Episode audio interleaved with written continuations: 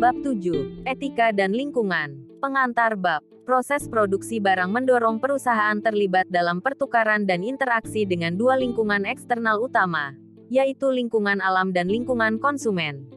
Dari lingkungan alam perusahaan memperoleh bahan baku dan mengubahnya menjadi produk jadi. Produk jadi selanjutnya dipromosikan dan dijual pada konsumen.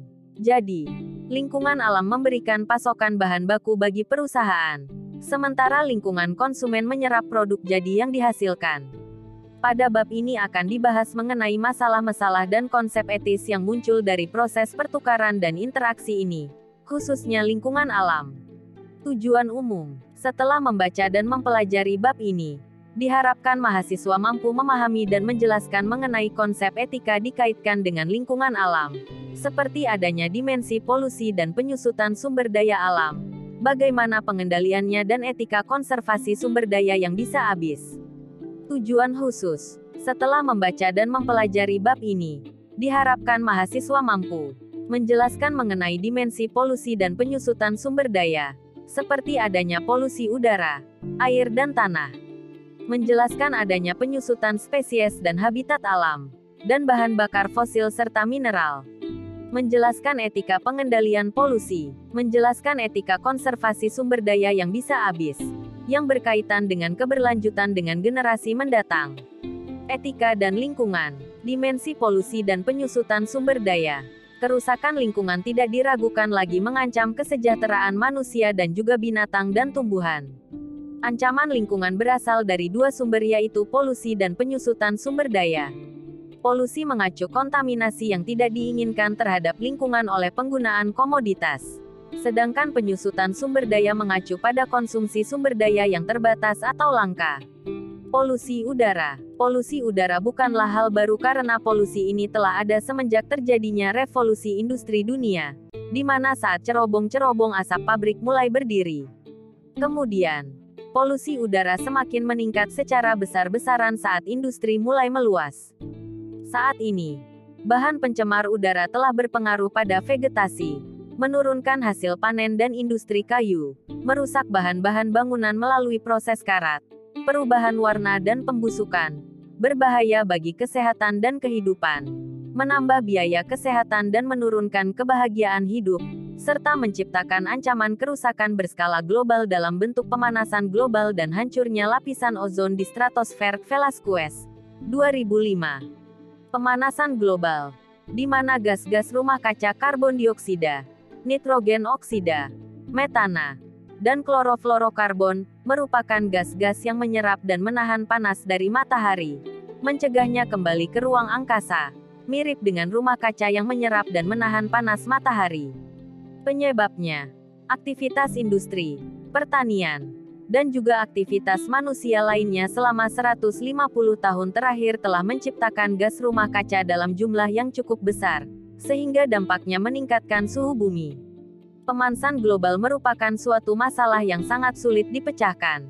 IPCC Intergovernmental Panel on Climate Change memperkirakan bahwa usaha untuk menghentikan kenaikan jumlah gas rumah kaca memerlukan pengurangan emisi gas rumah kaca sebesar 60-70 persen, di mana jumlah ini akan sangat serius berpengaruh terhadap perekonomian negara-negara maju dan negara berkembang. Penyusutan ozon. Masalah lain yang sama-sama serius adalah penyusutan lapisan gas ozon secara bertahap di stratosfer yang disebabkan oleh pelepasan gas klorofluorokarbon CFC ke udara. Ozon di lapisan stratosfer bagian bawah berfungsi melindungi semua kehidupan bumi dari radiasi ultraviolet yang berbahaya. Namun lapisan ozon ini hancur oleh gas CFC yang biasa dipakai dalam kaleng aerosol, kulkas, AC, bahan pelarut dan mesin industri.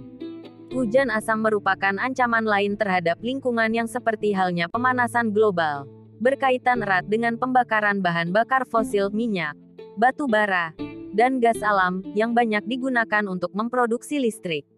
Pembakaran bahan bakar fosil, khususnya batu bara yang mengandung kadar sulfur cukup tinggi, menghasilkan sulfur oksida dan nitrogen oksida yang selanjutnya masuk ke udara. Saat masuk ke udara, Gas-gas ini bercampur dengan uap air di awan dan membentuk asam sendawa dan asam sulfur. Zat asam ini selanjutnya turun bersama hujan, yang mungkin terjadi ratusan mil dari sumbernya. Zat asam masuk ke danau dan sungai-sungai sehingga meningkatkan kadar asam dalam air. Akibatnya ikan, pepohonan dan tumbuhan menjadi tidak kuat dan akhirnya cepat mati. Selain itu, hujan asam juga merusak dan menghancurkan bangunan, patung serta benda-benda lain, khususnya yang terbuat dari besi, kapur dan marmer. Racun udara, walaupun kurang begitu berbahaya tetapi tetap sangat mengkhawatirkan. Sejumlah penelitian jangka panjang yang dilaksanakan telah menunjukkan bahwa gangguan fungsi paru-paru pada manusia yang disebabkan oleh polusi udara, baik itu dari asap kendaraan ataupun asap cerobong pabrik, cenderung tahan lama dan sering tidak bisa dibalik. Polusi air, kontaminasi sumber air adalah masalah yang sudah lama di mana semenjak peradaban manusia menggunakan air sebagai sarana pembuangan sampah dan kotoran. Beberapa bahan pencemar yang bisa mencemari air seperti garam, logam, bahan-bahan radioaktif, bakteri, virus dan endapan. Semuanya bisa merusak atau menghancurkan kehidupan air dan mengancam kesehatan manusia. Penggunaan air untuk industri seperti meningkatkan suhunya mengakibatkan kemampuan air dalam mengikat oksigen, sehingga menjadi membahayakan kehidupan air. Tumpahan minyak juga merupakan contoh pencemaran air yang semakin sering terjadi sejalan dengan semakin besarnya ketergantungan kita akan minyak. Polusi tanah. Beberapa pencemaran yang terjadi pada tanah, seperti zat beracun yaitu bahan-bahan yang menyebabkan kenaikan tingkat kematian atau menyebabkan sakit bagi kesehatan dan lingkungan. Limbah padat, yaitu hasil pembuangan manusia yang berupa zat-zat atau bahan-bahan habis pakai yang tidak bisa diuraikan lagi oleh tanah. Limbah nuklir termasuk salah satunya yang sangat mempengaruhi kualitas tanah. Penyusutan spesies dan habitat sebagaimana diketahui bahwa manusia membuat punah puluhan spesies binatang dan tumbuhan. Semenjak tahun 1600, setidaknya 63 spesies mamalia dan 88 spesies burung telah punah Velasquez, 2005. Habitat hutan yang menjadi tempat tinggal berbagai jenis spesies juga telah dihancurkan oleh industri kayu. Hilangnya habitat hutan yang disertai dengan pengaruh-pengaruh polusi diperkirakan telah mengakibatkan kepunahan sejumlah besar spesies. Penyusutan bahan bakar fosil sampai tahun 1980-an. Bahan bakar fosil terus mengalami penyusutan secara eksponensial. Dalam artian bahwa tingkat penggunaannya mengalami peningkatan dua kali lipat dalam jangka waktu tertentu. Beberapa prediksi awal atas penyusutan sumber daya alam mengasumsikan bahwa bahan bakar fosil akan terus menyusut secara eksponensial. Diperkirakan bahwa cadangan batu bara dunia akan habis dalam waktu 100 tahun. Minyak akan habis dalam waktu 40 tahun dan gas alam akan habis hanya dalam waktu 25 tahun Velasquez, 2005. Penyusutan mineral. Dalam sebuah penelitian yang dilakukan, Lembaga Survei Geologi Amerika menyimpulkan bahwa cadangan aluminium konvensional dunia, bauksit cukup untuk memenuhi kebutuhan dunia akan aluminium sampai abad ke-21 Velasquez, 2005. Jadi, ada batas-batas fisik dari sumber daya alam kita. Meskipun banyak yang masih berlimpah, namun semuanya tidak bisa digali terus-menerus. Pada akhirnya semuanya secara perlahan akan habis dan biaya penambangannya akan naik secara eksponensial.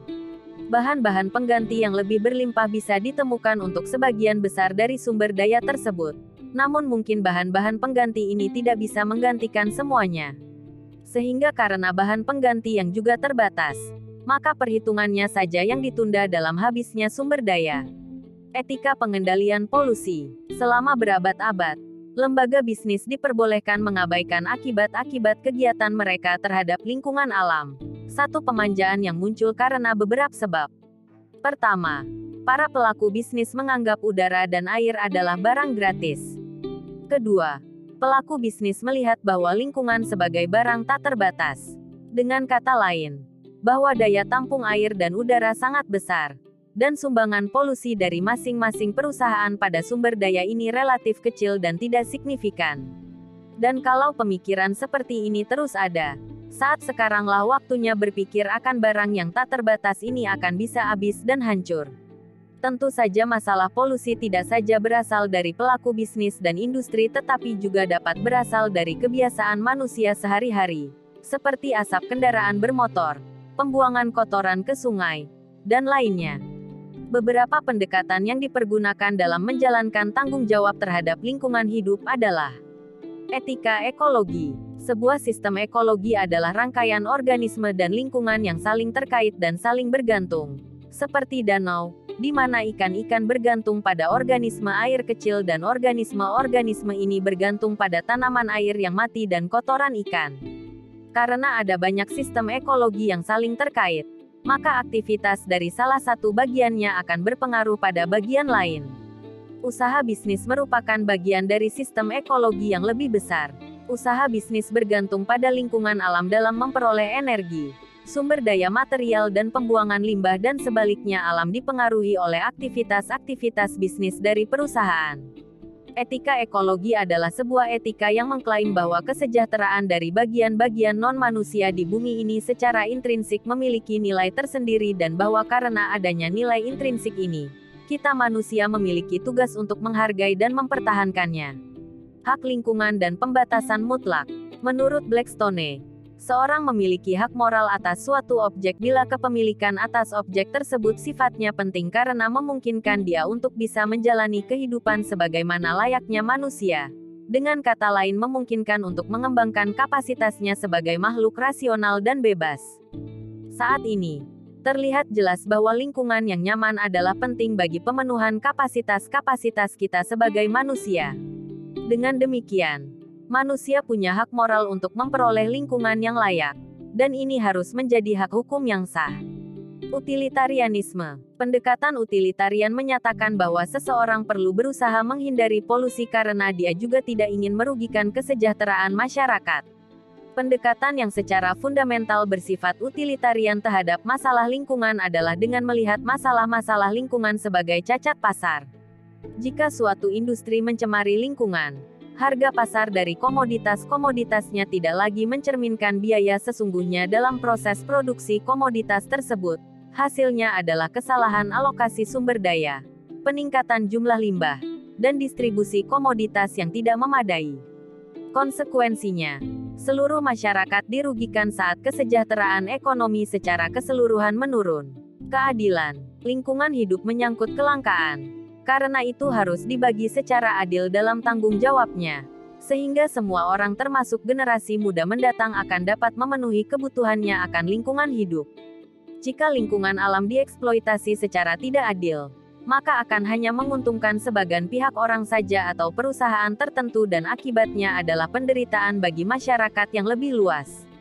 Implementasi tanggung jawab terhadap lingkungan alam, polusi dan penyusutan sumber daya alam merusak lingkungan maka salah satu tindakan kita yang paling logis adalah membatasi atau melarang semua kegiatan yang mengakibatkan polusi dan penyusutan sumber daya alam tersebut.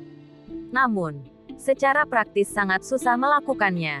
Seperti contoh dalam penggunaan kendaraan bermotor yang sudah pasti menimbulkan polusi udara dengan asap pembuangannya. Bagaimana jika pemilik kendaraan bermotor dilarang mengendarai kendaraannya? Pastilah itu akan menjadi haknya untuk menggunakan kendaraan miliknya dan mungkin merasa haknya dilanggar. Menurut Bartens 2000 ada beberapa pertimbangan yang perlu diperhatikan dalam mengimplementasikan tanggung jawab terhadap lingkungan hidup khususnya dari sisi aktivitas ekonomi dan bisnis, yaitu siapa harus membayar. Dalam konteks bisnis setiap tindakan untuk melindungi dan memperbaiki lingkungan akan membawa konsekuensi finansial. Akibat finansial tersebut dibebankan kepada siapa? Ada dua kemungkinan jawabannya yaitu dibebankan pada orang atau pihak yang melakukan pencemaran. Orang atau pihak yang telah mencemari lingkungan yang harus menanggung biaya untuk memulihkan lingkungan. Seperti misalnya, perusahaan yang membuang limbah ke sungai harus menanggung biaya membersihkan sungai dan perusahaan pemegang hak penguasaan hutan, HPH, yang melakukan penebangan hutan harus menanggung biaya reboisasi. Argumentasi ini masuk akal, namun sangat sulit mempraktekannya. Memastikan siapa orang yang telah melakukan pencemaran adalah usaha yang tidak mudah. Dibebankan kepada orang atau pihak yang ingin menikmati lingkungan yang tidak tercemar. Orang atau pihak yang ingin menikmati kenyamanan dan kebersihan lingkunganlah yang harus menanggung biayanya. Dengan kata lain, kalau ingin memperoleh manfaat, maka konsekuensinya harus bersedia menanggung biaya. Argumentasi ini juga terlihat masuk akal, namun sangat susah diterapkan. Penyediaan lingkungan yang nyaman dan asri bukanlah masalah individual, yang harus diselesaikan dengan prinsip individual.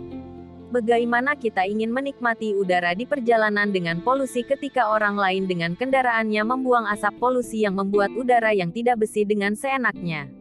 Sehingga disadari atau tidak, bahwa masalah lingkungan adalah tanggung jawab semua orang. Sehingga beban yang timbul juga menjadi tanggung jawab semua orang baik dalam upaya mengurangi maupun dalam pembiayaannya. Bagaimana beban dibagi? Masalah lingkungan adalah tanggung jawab kita bersama. Namun, bagaimana beban tersebut harus dibagi supaya adil?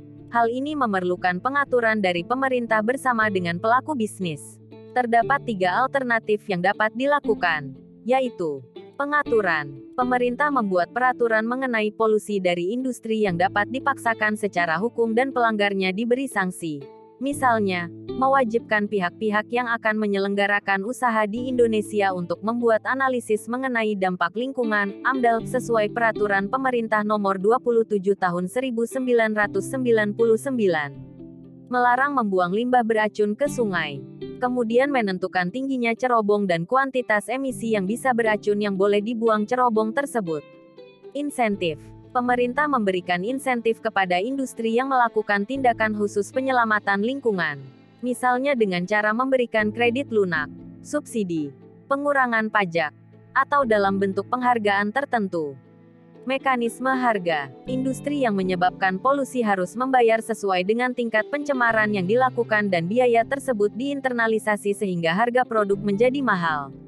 Agar produk menjadi lebih murah, industri akan berusaha berproduksi dengan meminimalkan timbulnya industri kewajiban setiap warga di Indonesia untuk memelihara kelestarian fungsi lingkungan hidup serta mencegah dan menanggulangi pencemaran dan perusakan lingkungan hidup diatur dalam Undang-Undang RI Nomor 23 Tahun 1997 tentang Pengelolaan Lingkungan Hidup. Sebelumnya, Sejak tahun 1995 pemerintah telah pula menerapkan program penilaian peringkat, disingkat PROPER, kinerja penataan perusahaan dalam upaya mencegah perusakan lingkungan. Pada awalnya, pelaksanaan PROPER difokuskan pada penilaian peringkat kinerja penataan perusahaan terhadap pengendalian pencemaran air dari perusahaan yang masuk dalam program Kali Bersih Prokasi. Guna memberikan gambaran kinerja penataan perusahaan lebih menyeluruh, maka sejak tahun 2002 aspek penilaian kinerja penataan dalam PROPER diperluas dari media tunggal menjadi multimedia. Kinerja penataan yang dinilai dalam PROPER mencakup penataan terhadap pengendalian pencemaran air, udara, pengelolaan limbah B3 dan penerapan AMDAL analisis mengenai dampak lingkungan. Sedangkan penilaian untuk aspek upaya lebih dari taat, meliputi penerapan sistem manajemen lingkungan, pemanfaatan limbah dan konservasi sumber daya, dan pelaksanaan kegiatan pengembangan masyarakat atau community development. Penilaian ini dapat mengukur penerapan CSR Corporate Social Responsibility.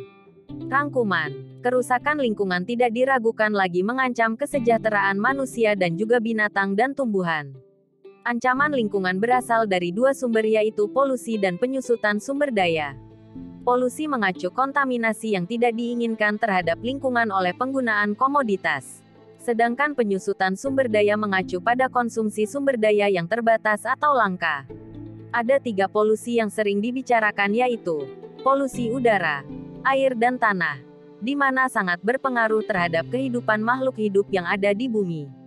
Polusi dan penyusutan sumber daya alam merusak lingkungan maka salah satu tindakan kita yang paling logis adalah membatasi atau melarang semua kegiatan yang mengakibatkan polusi dan penyusutan sumber daya alam tersebut.